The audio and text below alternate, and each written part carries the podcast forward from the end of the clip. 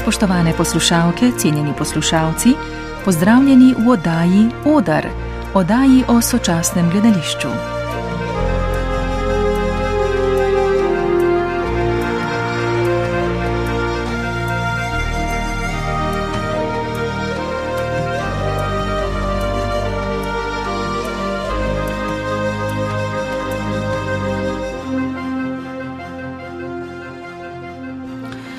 Pove z naslovom Hlapec Jerne in njegova pravica, eno izmed pomembnih knjižnih deli Ivana Cankarja, je veliko pozornosti poželo tako ob nastanku in izdaji leta 1907, kot desetletja pozneje, ko je doživljalo številne adaptacije tako doma kot v tujini.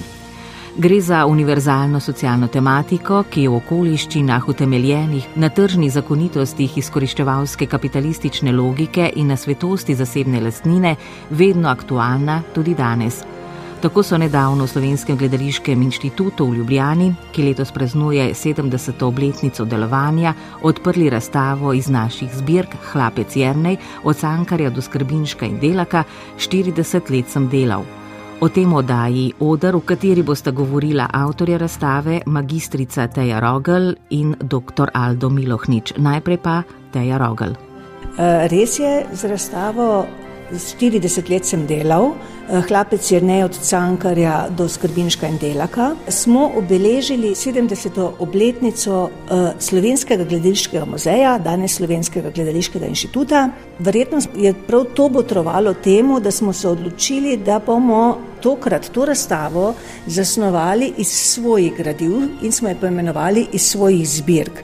Ker namreč v Slovenskem gledališkem inštitutu hranimo številna izjemno dragocena in zanimiva gradiva, ki jih želimo približati čim širšemu krogu ljudi, bodi si preko takšnih razstav, kakršnih se priča, kot tudi preko spletnih razstav, se pravi, da svoja gradiva v nekem kontekstu objavljamo na svetovnem spletu.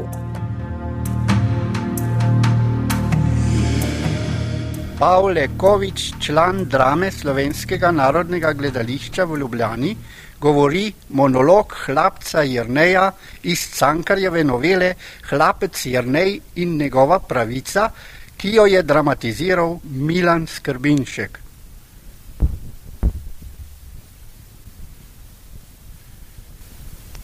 No, kaj? No, kaj? Ali sem zašel med mešetarje in cigane, da me gledate in nič ne govorite? ali sedim z našo družino ali ziblajtari, ki snujejo, kako bi me ukanili. Jernej sem iz Betajnove in krivico so mi storili. Zato sem se napotil po svetu, da bi poiskal pravico, ki jo je Bog poslal in ki jo hranijo sodniki v svojih bukvah. Nikogar ne tožim, zakaj potreba ni in ne maram, da bi trpeli ljudje zaradi moje pravice. Tako se je zgodilo, kakor bom povedal. Še otrok bi razsodil, kako bi ne razsodili vi, ki ste učeni in poznate postavo.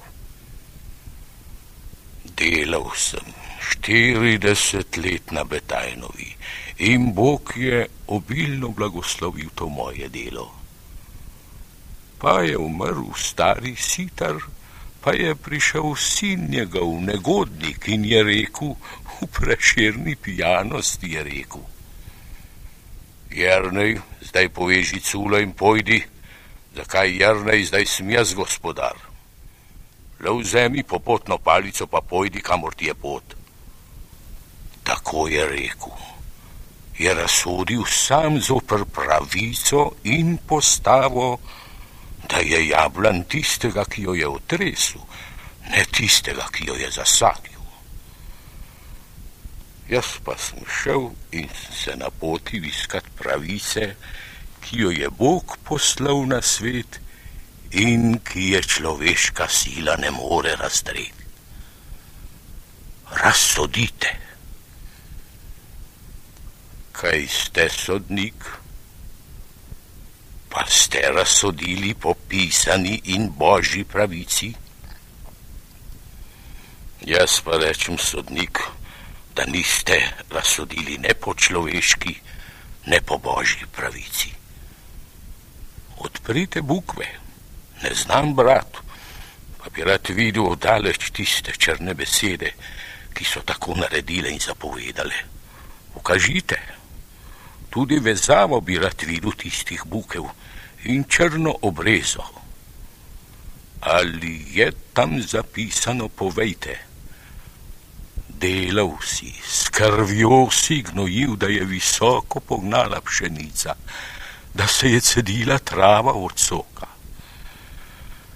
Zdaj pa, ko si star in nadložen, ko ni več krvi, da bi znov gnojil, zdaj pojdi. To mi povejte in še mi razložite, kako da ravnam zdaj s svojim delom, kam bi z njim. Zemljo je zakopano, pač zaklaftro globoko, kako naj ga izkopljem? Štirideset let. Preštejte in premislite, koliko je to tedno in koliko ur. Ha, moja pamet je počasna, stara. Ne znam prešteti. Ampak povejte mi, če je to samo toliko tednov in samo toliko dni, da je ta cula obilno plačilo, prazniška obleka in platnena srajca pravično povračilo, pa bom verjel, da ste sodnik, kakor ga je Bog postavil. Ne bom prosil, ne bom jokal, moja pravica je božja pravica kar je sam ustanovil, ne bo razdiral, kar je govoril, ne bo tajil. Dolžnik je moj. Ne klečim, stojim pred njim in terjam. Razsodite. Tisto besedo recite, ki sem čakal na njo toliko grenkih dni. Ali je pravica, ali je ni ali je Bog ali ni Boga. To je bil monolog hlapca Jrneja, ki ga je interpretiral igralec Pavle Kovič. Dramatizacija besedila je nastala v avtorstvu Milana Skrbinška, ki je tudi avtor prve dramatizacije pred stoletji, vendar je ta predstava nastala leta 1939 v Mariborskem gledališču. Podatkov o tem, kdaj je bil monolog posnet, niso našli.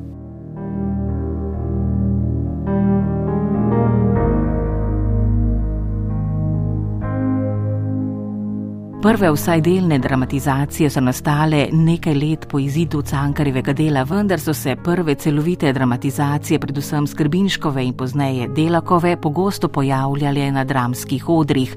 Zgodile so se tako v 20 letih kot v 30 letih pred vojno in po njej, predvsem v Ljubljani in Mariboru. Euforija ne, z priredbami, dramatizacijami, uprizoritvami Hlapca ne, je bila izrazita v 20 in 30 letih. V 20 letih, eh, seveda, predvsem eh, zaradi eh, Milana Skrbinška in te njegove dramatizacije, ki se je zgodila res na tanko pred stotimi leti, leta 1922, takrat je bila uprizorjena v Mariborskem, eh, takrat se je imenovalo Narodno gledališče ne, v Mariboru. In naslednje leto je bila tudi natisnjena, tako da je postala seveda dostopna še mnogim drugim, ne, ki so jo brali in potem tudi uprizarjali. Zgodilo se je res ja, več uprizoritev v Mariborskem gledališču, Ljubljanskem, tudi drugot ne, v tujini, ne samo v 20 letih, ne, potem se to nadaljuje tudi v 30, tudi po drugi svetovni vojni, e, tako da tudi pri Skrbinšku gotovo imamo neko kontinuiteto elementov prizarjanja te njegove dramatizacije. Ampak v začetku 30-ih let se eh, tej eh, zgodnji skrbniškovi dramatizaciji pridruži še Delakova. Eh, Ferdo Delak je nekako ni bil zadovoljen ne, s to skrbniškovo dramatizacijo in je potem leta 32, torej pred 90 leti, pripravil svojo, ki jo je uprizoril na delavskem uh, odru. Zdaj delavski odr ne, je lahko bi v današnjem besedišču, besednjaku bi rekli, je bil producent, ne, kaj ti fizično se je ta prizoritev zgodila pravzaprav na odru Ljubljanske opere. Ne. Uh, in je bila zelo, zelo uspešna, o njej so zelo pohvalno poročali uh, in delavski, del, delavski mediji in meščanski uh, in potem se je dejansko zares začel plas, lahko rečemo. Ne. Uh, ta, ta uprizoritev je gostovala potem in v eh, celju in v Mariboru, kjer je, si jo ogledalo uh, uh, po poročilih takratnih 2000 ljudi ne, in jih je še ostalo zunaj, kar nekaj. Potem so gostovali recimo tudi v Zagrebu, ne, v Frankopanski ulici, to je, bil, to, je, to je bilo narodno gledališče v Zagrebu, ki je imelo tam še en, še en odr in tudi tam je bilo, mislim, izvala predvsej odziva. Cankarjeve tematike so se lotevala mnoga kulturna prosvetna društva z delavskimi odri tako v Sloveniji kot v prostorih tedanje skupne državne tvorbe na tleh nekdanje Jugoslavije. Delak se je pripravljal na postavitev in gostovanje svoje dramatizacije na Dunaju, vendar do realizacije načrtov ni prišlo. Delakova dramatizacija je res bila uh, velik hit. Uh, mislim, tudi Skrbinškova je doživela imela neke ponatise, ampak Delakova je res, to je bilo res neverjetno. Po tej prvi objavi leta 32, eh, v, to je bila slovenska izdaja, so sledili številni prevodi. Že v 30 letih, ne, in recimo nemški prevod, ki najprej izhajajo revijalno, ne, v nadaljevanjih ne, v časopisu, potem je pa objavljen tudi v knjigi, uh, no, potem pa recimo srpski prevod v esperanto, recimo v mačarščino, romunščino, albanščino, angliščino in še nekatere jezike. To se je dogajalo že pred eh, drugo svetovno vojno, potem so pa sledili še novi in novi prevodi, nove in nove izdaje, ki so se dogajale po drugi svetovni vojni. Takrat predvsem na tem srbo-hrvaškem območju, se pravi prevodi v hrvaščino, v srbščino, eh, v latinici, v cirilici, vse mogoče. Ne. Eh, tega je bilo res ogromno. Ne samo, da so seveda izhajali prevodi, ampak so se tudi naprej dogajale uprizoritve te, te dramatizacije. Tem uprizoritvam so se potem pridružile, pridružile tudi uprizoritve njegovega libreta. Namreč Ferdo Dela, ki je pripravil libreto za uh, opero Matije Bravničarja, ki jo je Bravničar napisal že pred drugo svetovno vojno, če se ne motim, leta 36, vsekakor v 30 letih, krstna uprizoritev je potem bila leta 41, tik pred začetkom druge svetovne vojne, takrat ni režiral Delak, je pa režiral uh, Bravničarjevo opero po drugi svetovni vojni leta 57, ki je bila tudi taka velika uspešnica, uh, kot rečeno na podlagi njegovega libreta. Številom dramatizacij so rasle tudi objave v revijalnih medijih in v knjižnih prevodih, nove izdaje v tujih jezikih. Poleg tega delakovega libreta obstaja še nekaj drugih priredb za opero in pevske zbore nasploh za glasbeno gledališče. Sledile so priredbe za radio in televizijo, denimo Fran Žižek je za televizijo pripravil priredbo za televizijsko igro. Motivi iz povesti hlapca Jrneja pa še dan danes nagovarjajo tudi umetnike mlade generacije. Kot recimo, kot en primer take zelo aktualne in tudi lucidne interpretacije Klapca Erneja bi lahko omenil eh, prizoritev Klapca Erneja eh, v režiji režiserja mlajše generacije Žiga Divjaka, ki je na podlagi svojega besedila, ki je dejansko besedilo po motivih ne, Klapca Erneja, prizoril svojo prizoritev ne, leta 2018, ki je bila narejena kot koprodukcija AGRFT in uh, Cankarevega doma in je pravzaprav eh, v hlapcu Arneju, ne, je eh, temu, eh, kako bi rekel, ne, kmečkemu hlapcu, ne, nekemu vaškemu proletarcu, ne, je prepoznal sodobnega prekarnega delavca. Ne, in mislim, da je to zelo inteligentno, lucidno in da pravzaprav je zelo lepo pokazal, ne, da je hlapec Jarnej, da je še vedno zelo aktualen. Na pričujoči razstavi lahko hkrati spremljamo tudi sočasen razvoj drugih medijev, audio in video tehnologije, denimo diaprojektorjev. Uh, ja, Delak je v svoji krstni prizoritvi svoje dramatizacije leta 1932 v izvedbi delavskega odra uporabil projekcije in na tej razstavi naši, verjetno je to ena, so skice Ne, risbe za te projekcije, ki jih je naredil Ljubomir Ravnikar, so verjetno ena najlepših eksponatov, ki jih imamo tukaj in tudi zelo dragoceni smo veseli, da jih imamo. Nimamo jih še veliko let, pred nekaj leti smo jih odkupili. E, zanimivo bi pa bilo, morda še kdaj izsledimo, ne, kje steklene plošče, na katere so bile prenešene te risbe oziroma po teh risbah zasnovane projekcije, to bi bila tudi zelo dragocena pridobitev za naš muzej. Je pa to seveda ne, ni nekaj povsem novega leta 32, ampak kljub temu je pa nekaj zelo svežega, kar ni bilo v neki splošni rabi v tistem času v slovenskem gledališču. Ne. In lahko na teh fotografijah predstav ne zgolj delavskega odra iz Ljubljane, ker je bila krstna prezoritev, ampak tudi delavskih odrov Svoboda. Ne. Po drugih krajih Slovenije posod vidimo, da je v zadju belo platno, se pravi, da so v teh predstavah verjetno kar vseh po vrsti uporabljali projekcije. Ali so to bile točno ravnikarjeve ali ne, boš mogoče ti vedel, Aldo. Ampak ta belina zadaj eh, nam da vedeti, da je očitno ne, te, tudi te predstave, ki so na drugih odrih delovskih zaživeli, so se zgledovale po tej delavkovi predstavi. Se pravi, je ta predstava res bila nek hit, ki je nek vihar za sabo povzročila, ne, ki je potegnila nek, vzorec uprizarjanja te drame na uh, delovskih odrih. Res je, ne, da so tudi na teh drugih delovskih odrih uh, zelo pogosto uporabljali ravnikarjeve izbe ne, za diaprojekcije. Uh, ne povsod, ampak tam, kjer, je, recimo, kjer so vabili delaka, včasih tudi ravnikarja, ne, da prideta nekako pomagati ne, z svojimi nasveti, svojimi izkušnjami, so jih absolutno uporabljali. Imamo pa tudi uh, razne indice, ne, razne ali korespondence ali poročila iz takratnega tiska o tem, kako so pravzaprav tudi prosili ne, iz teh uh, delovskih odrov, ne, če si lahko izposodijo uh, od delovskega odra v Ljubljani uh, risbe, ne, te uh, za diaprojekcije in podobno. Mislim, logično je, da je bilo tako, ker je med njimi obstajala tudi nekakšna solidarnost. Ne. Ti odri so med sabo sodelovali, ne, so se med sabo podpirali. Ne.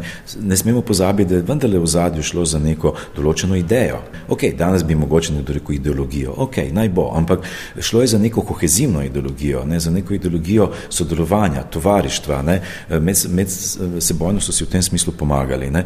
In zlasti recimo v teh okrajih, ne, kjer je bilo veliko dela, delavstva, ne, raznih revirjih in tako naprej, je to popolnoma smiselno in logično in pričakovano. Ne. Ta društva, delavsko-kulturna, prosvetna društva, ne, so ogromno prispevala kulturni ponudbi ne, v tistih krajih, točno za to publiko. Ne. Oni so prišli pogledati v takratne teatre to, kar je bilo pravzaprav nekako njihovo življenje, ne. To, to se je njim pravzaprav dogajalo ne. in so se v tem prepoznavali. Na razstavi v Slovenskem gledališkem inštitutu, ki je nastala sto let po prvi celostni uprizoritvi hlapca Jrnejo Mariboru, lahko razbiramo tudi, kako je bil živahen slovenski gledališki in umetniški prostor pred drugo svetovno vojno umeščen upet v evropske tokove, tudi avantgardistične. Zanimivi pa so tudi kritični odzivi na gledališko dogajanje, glede na kulturno in politično situacijo pri nas in napetosti v nekdani skupni državi. Tudi to je seveda pričakovano ne, in logično, ne, da so, uh, ker, ker so te, obstajale te um, kulturne povezave. Ne. Vse obstajajo tudi danes, ne, potem ko je spet, uh, so, uh, ni več te Jugoslavije, ampak so seveda nove države, neodvisne, ampak še vedno ne, obstaja neko sodelovanje in takrat je seveda tudi, tako da ni samo recimo delak bil tisti, ki je velik delal v drugih krajih ne, te nekdanje Jugoslavije, najprej kraljevine, potem pa socializma socialistične, ampak imamo tudi še veliko drugih primerov. Uh, recimo uh, Pregarc, Rade Pregarc je tak primer. On je tudi delal ne, na, v številnih gledališčih uh, nekdanje Jugoslavije ne, uh, ali pa Bojan Stupica. Ne. Uh, in lahko bi še našteli kar nekaj imen. Ne. Se pravi, to je bilo normalno uh, in pričakovano. Ali pa, naprimer, evo, recimo še en tak um, primer. Pred leti smo uh, delali eno tako manjšo raziskavo, raziskavo manjšega obsega o teh gledaliških uh, povezavah ne, med uh, Slovenijo in Makedonijo ne, s, kolegi, s, kolegimi, s kolegicami in kolegi iz recimo gledališke akademije v Skopju. In takrat smo ugotovili ne, skupaj z njimi, da je recimo vpliv slovenskega mladinskega gledališča v Makedoniji neverjeten. Ne, to so nam oni sami potrdili, ne, da eh, se to tako čuti, ne, da, je, da je to pravzaprav nek, ima nek poseben status ne, v Makedoniji. Ne. Eh, se pravi, veliko je tega bilo, ne, tudi zdaj, če gremo mal izven tega konteksta eh, hlapce, hlapce Erneja, ne, če gremo mal širše. Veste, tudi delak, recimo, ko je ustvarjal v teh krajih, to ni šlo brez težav ne, in je on seveda imel tudi razne probleme s cenzuro ne, in recimo tudi v Novem Sadu ne, eh, in je moral stran ne, eh, iz Novega Sada. Tam je delal recimo tudi Belo bolezen, ne, eh, tako tudi znamenita uprizoritev, ki je izvala precej razburjanja ne, v takratni politiki in, in tako naprej. Tako da tega je bilo skozi, on je bil skozi soočen s tem. Med drugim, zanimiva je zgodba tudi glede imena delovski odr, ne, da je torej Bratko Kreft, ne, ki je takrat eh, prišel renovirati, ne, nekako eh, eh, posodobiti ne, delo delovskega odra, ker delovski odr v Ljubljani je nastal takoj po prvi svetovni vojni, Bratko Krev pride pozneje. Pravzaprav pride na to idejo, da bi mal seveda kopiral ne, Ervina Piskatorja, ne, njegovo berlinsko proletarsko gledališče, da bi proletarski odr, ne, da bi se v Ljubljani tudi nastal proletarski odr. In na začetku so res uporabljali to ime. Potem so ugotovili, ne, da nekako pri takratni politiki ne, to nekako ni, uh, ni naletelo na, na dober odziv ne, uh, in je grozilo, oni so skozi imeli probleme s cenzuro in je grozilo, da bodo res, uh, pač, da jih bo to uničilo, da ne bo mogli delovati, uh, prizarjati svoje predstave in potem se je bratko Kreft ne, odločil, verjetno skupaj s svojimi tovariši, ampak predpostavljam, da je to bila neka konsenzualna odločitev, da so se premenovali v dela delavski odr, ker to se je nekako zdelo manj agresivno ne, takratni politiki. Ne, in od takrat naprej je ostal delavski odr. Tako da vidite, s kakšnimi vse stvarmi so se morali takrat ubadati, ne, ukvarjati, eh, ampak eh, so kar lepo preživeli, ne, praktično tam do, do malo pred začetkom druge svetovne vojne, potem pa jasno, v času druge svetovne vojne vemo, kaj je bilo in za take stvari ni bilo prostora, absolutno ni bilo prostora niti za slovensko gledališče v Mariboru, eh, v Ljubljani so italijanski okupatori to še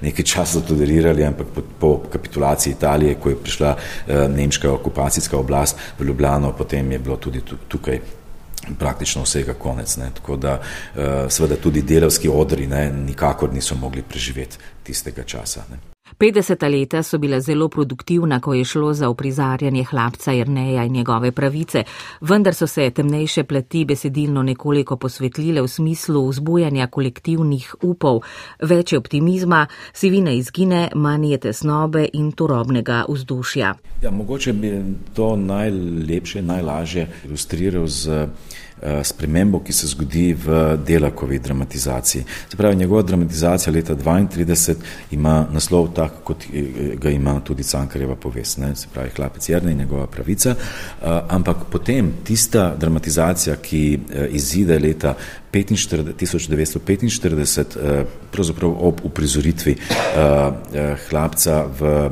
Tržaškem gledališču v njegovi režiji, delak je namreč prišel v Tržaško gledališče, da ga ponovno postavi na noge. Ne. Tako kot so ga poslali v začetku 30-ih let, ne, da uh, natanko enako naredi z delavskim odrom v Ljubljani, ne, dobil to nalogo ne, tak, tudi takoj po prvi svetovni vojni, ne, drugi svetovni vojni, da to naredi v Trstu in je pač uprizoril svojo dramatizacijo Klapca Jerneja, ampak od takrat jo je premenoval v Jernejeva pravica. Ne. In uh, jaz ne vem, zakaj se je to točno zgodilo. Pregledal sem zapuščino, pregledal sem to, te dokumente, ki so dostopni. Jaz nekako ne najdem ne, neke razlage, točne razlage, zakaj je do tega prišlo. Lahko samo domnevam.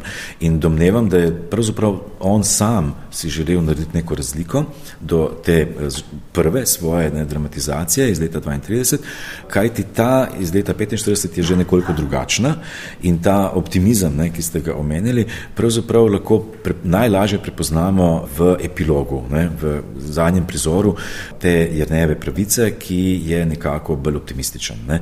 Vemo, da je tisto eh, konec ne, hlapca ne, pri Cankarju, ne, vemo, kaj se z njim zgodi, ne, tako rekoč ga vržejo na, gr, na grmado. Ne. V Jrnevi pravici to ni, ni temu več tako, kaj ti eh, delak želi dati, poslati neko bolj optimistično sporočilo. Uh, lahko vendarle stvari tudi spremenimo, kako jih, kako jih bomo spremenili, ne na način, da uh, imamo posameznika, ki išče pravico od Poncija do Pilata ne, in potem konča na grmadi, uh, ne, ampak skozi kolektivno akcijo.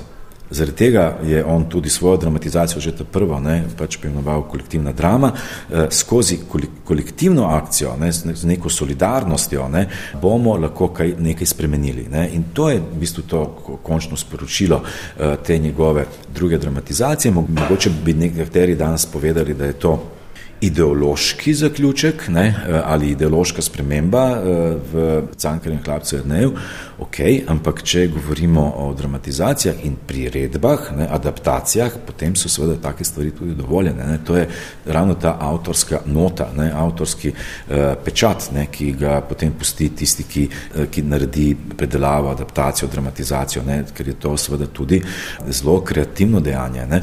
Uh, ni treba samo po papagajsko ne, ponoviti to, kar je v originalu napisal ta predhodni avtor. Pozna 80. leta in nasploh 90. leta prejšnjega stoletja pa so povsem ignorirale temo hlapca Jrneja, tako da je izginil slovenskih odrov obljube nove države v novem družbeno-političnem redu, pri nas niso vzbujale slabih obetov. Uh, bi rekla tako, ne, ta pozna 80-ta, začetek 90-ih, ko govorimo o razpadu nekdanje skupne države Jugoslavije, in osamosvojitvi Slovenije. Verjetno se takrat niso toliko identificirali več ljudje s socializmom, ampak so iskali neke nove forme. Ne? To vprašanje hlapse je neja. So morda takrat dojemali celo nekoliko ideološko ne? in so se mu probali, jih ni iritiralo do te mere, da bi čutili potrebo po tem prizarjanju, so se temu nekako izogibali, pa neke druge teme odpirali, ki so bile takrat uh, aktualne. Verjetno je temu botrovala tudi neka vizija, kaj ta kapitalizem bo, kako bo izgledal, da je verjetno socializem izpet. Kasneje, ne, ko pa smo ta kapitalizem zaživeli, pa so se te teme seveda ponovno vrnile, ker smo ugotovili, da to ni bila zgolj neka ideologija obnavljanja socializma, ampak da kapitalizem vendarle nima zgolj rožnatih plati. Prišlo je do neke eh, res radikalne in družbene, politične, ekonomske, sistemske spremembe ne, na tem prelomu na začetku 90-ih let. Po eni strani razpad skupne države, po drugi strani ta velika sprememba sistema. Ne. Jaz bi rekel, kar restauracije kapitalizma. Vse smo ga imeli pred, pred drugo svetovno vojno in se je potem povrnil nazaj. Seveda, težava je pa bila v tem, da so mnogi, žal, naivno verjeli, ne, da prihaja kapitalizem s človeškim obrazom, ne, če sem rehko ironičen. Ne. Kaj se nam je zgodilo?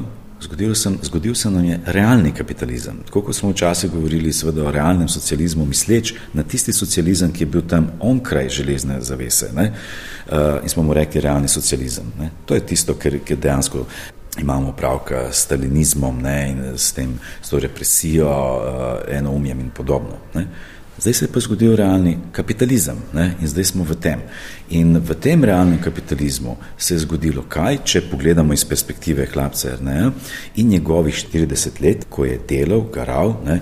in potem naenkrat ne more več živeti od svojega dela. Eh, zgodilo se je to, ne, da imamo tako imenovane revne zaposlene, ljudi, ki delajo in dejansko ne morejo, prež ne morejo normalno preživeti. Pazite, preživijo, ampak eh, ne živijo morda človeka dostojno življenje v 21. stoletju. Dogaja se to, da imamo ljudi, ki so eh, nominalno eh, prišli do svoje pokojnine, delali so 40 let, tako kot hlapec Jrnej, ki to skozi ponavlja kot svojo mantro, ne, od začetka do konca, ampak od svoje pokojnine spet ne morejo živeti. Ne.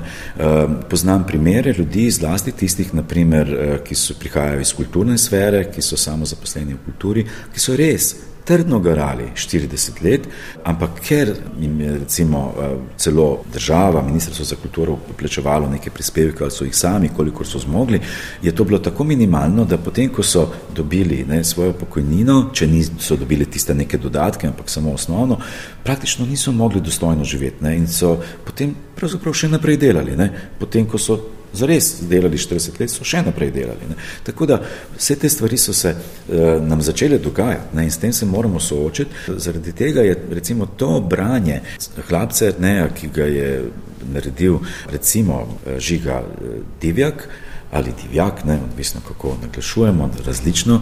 Torej, ta uprizoritev je točno to prepoznala. Ne, je prepoznala uh, aktualnost Klapsa Erneja v današnjem času realnega kapitalizma, ne, ko nimamo več teh, če dalje manj je teh zaposlitev, ki so varne zaposlitve, ko ti veš, kdaj začneš delati, kdaj končaš, imaš nek dopust, imaš socialno zavarovanje, imaš pokojninsko zavarovanje, zdravstveno in tako naprej. In je če dalje več tistega tipa dela, agencijskega in podobno, ker se pravzaprav nenehno na razpolago ne, delodajalcu. Eh, ljudje morajo imeti vklopljene telefone, eh, da se lahko odzivajo, eh, da lahko pridejo delati, kadarkoli je to potrebno.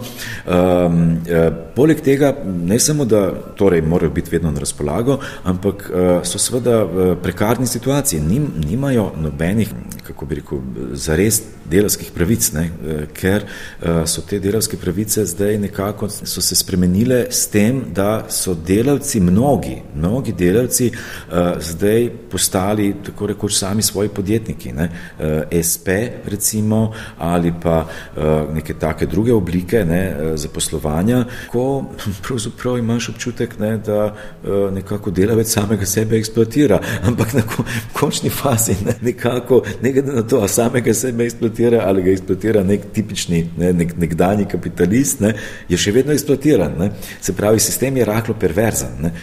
Primer Divjakove uprizoritve je seveda primer predelave izvirnega cankarega besedila na način, kot temu rečemo, po motivih. Tukaj dejansko nimamo neposredno vzetega eh, cankarega besedila, kot recimo to najdemo pri skrbinšku, izrazito, seveda tudi pri delaku, nekoliko manj, tukaj je on že dosti posegal, recimo Žiga Divjak je naredil popolnoma nov tekst, ne? ampak še vedno je insistiral na tem, da se ta uprizoritev imenuje Klapec Jernej. Ne?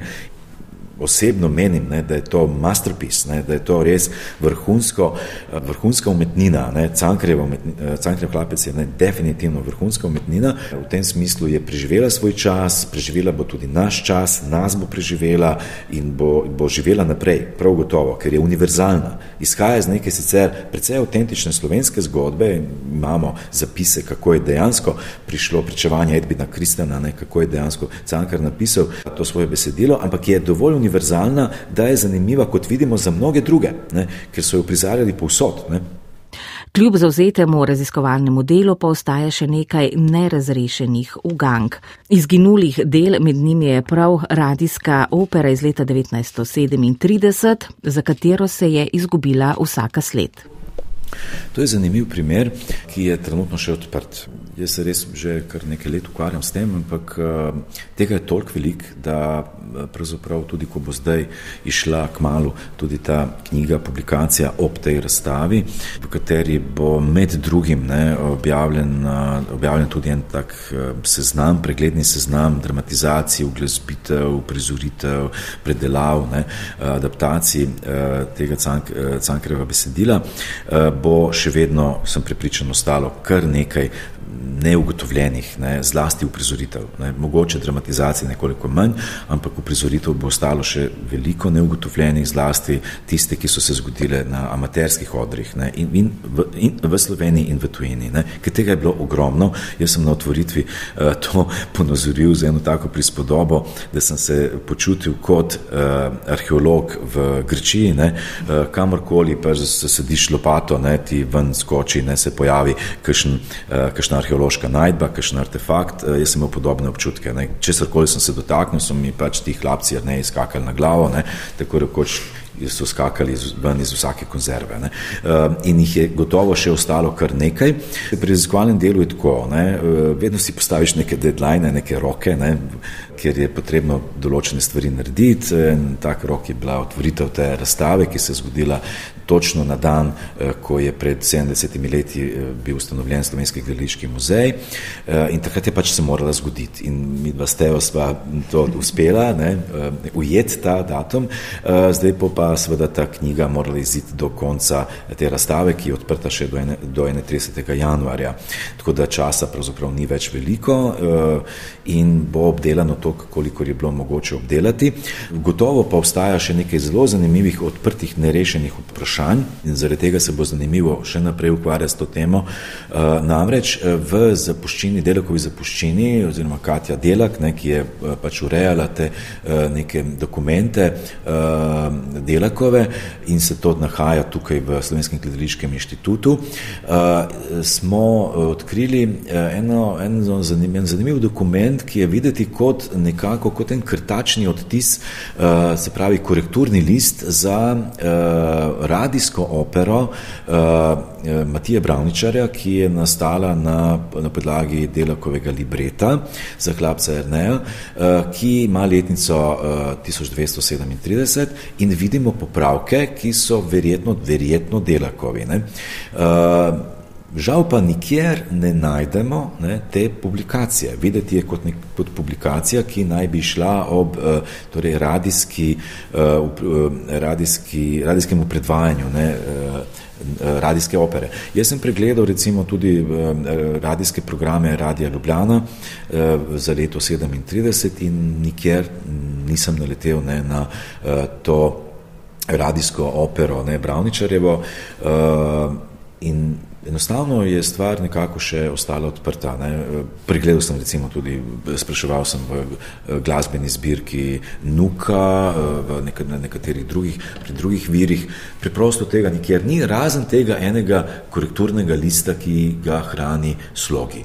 In to bo treba še raziskati. Um, še ena, en zelo zanimiv, um, zanimiv problem se mi je pojavil.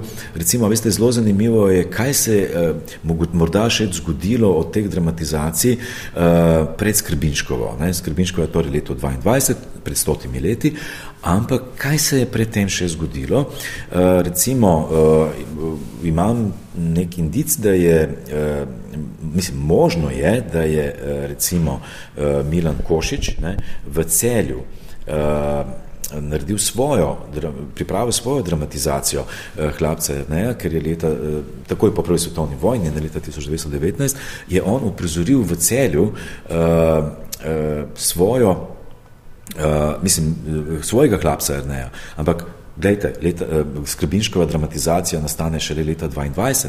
Ne? In je celovita. In je celovita.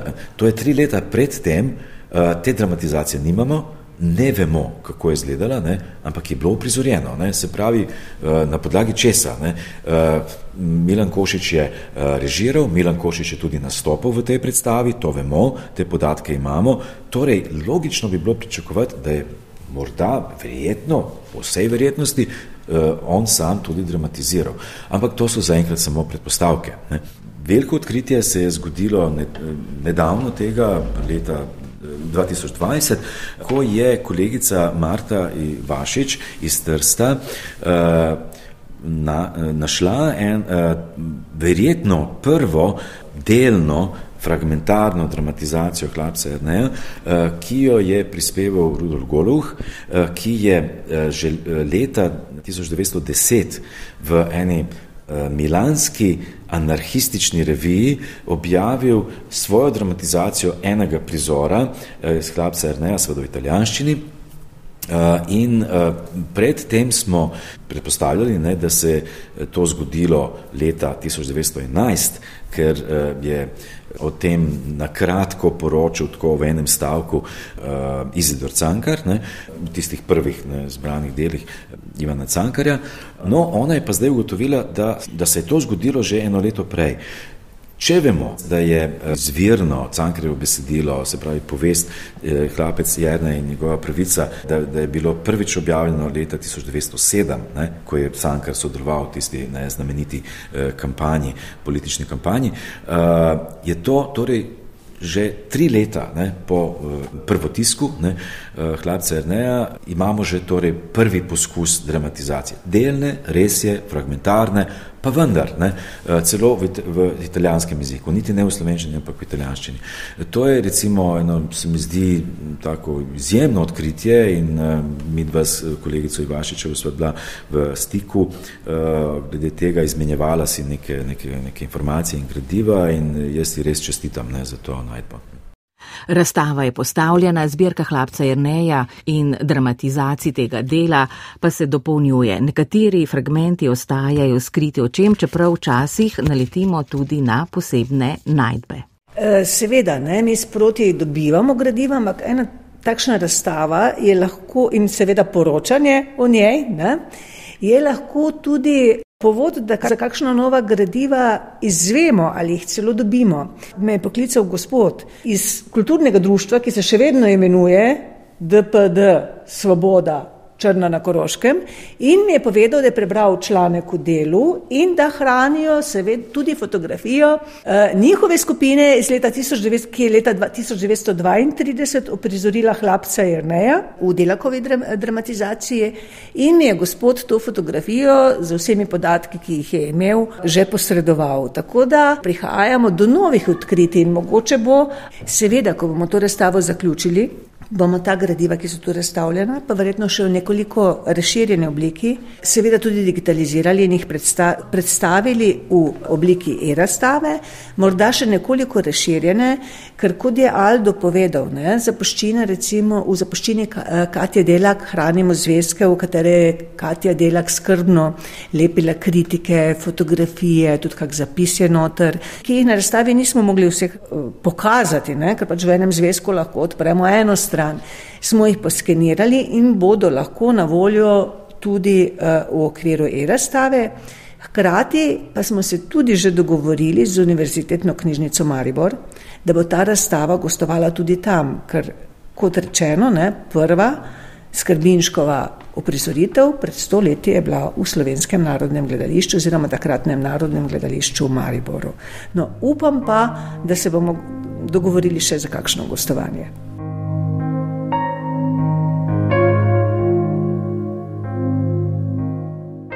Poslušali ste oddajo Odor, v kateri sta bila gosta avtorja razstave iz naših zbirk Hlapec Jrnej, od Cankarja do Skrbinška in Deleka 40 let sem delal, magistra Teja Rogel in dr. Aldo Milohnič. Oddajo sem vodila Magda Tušar.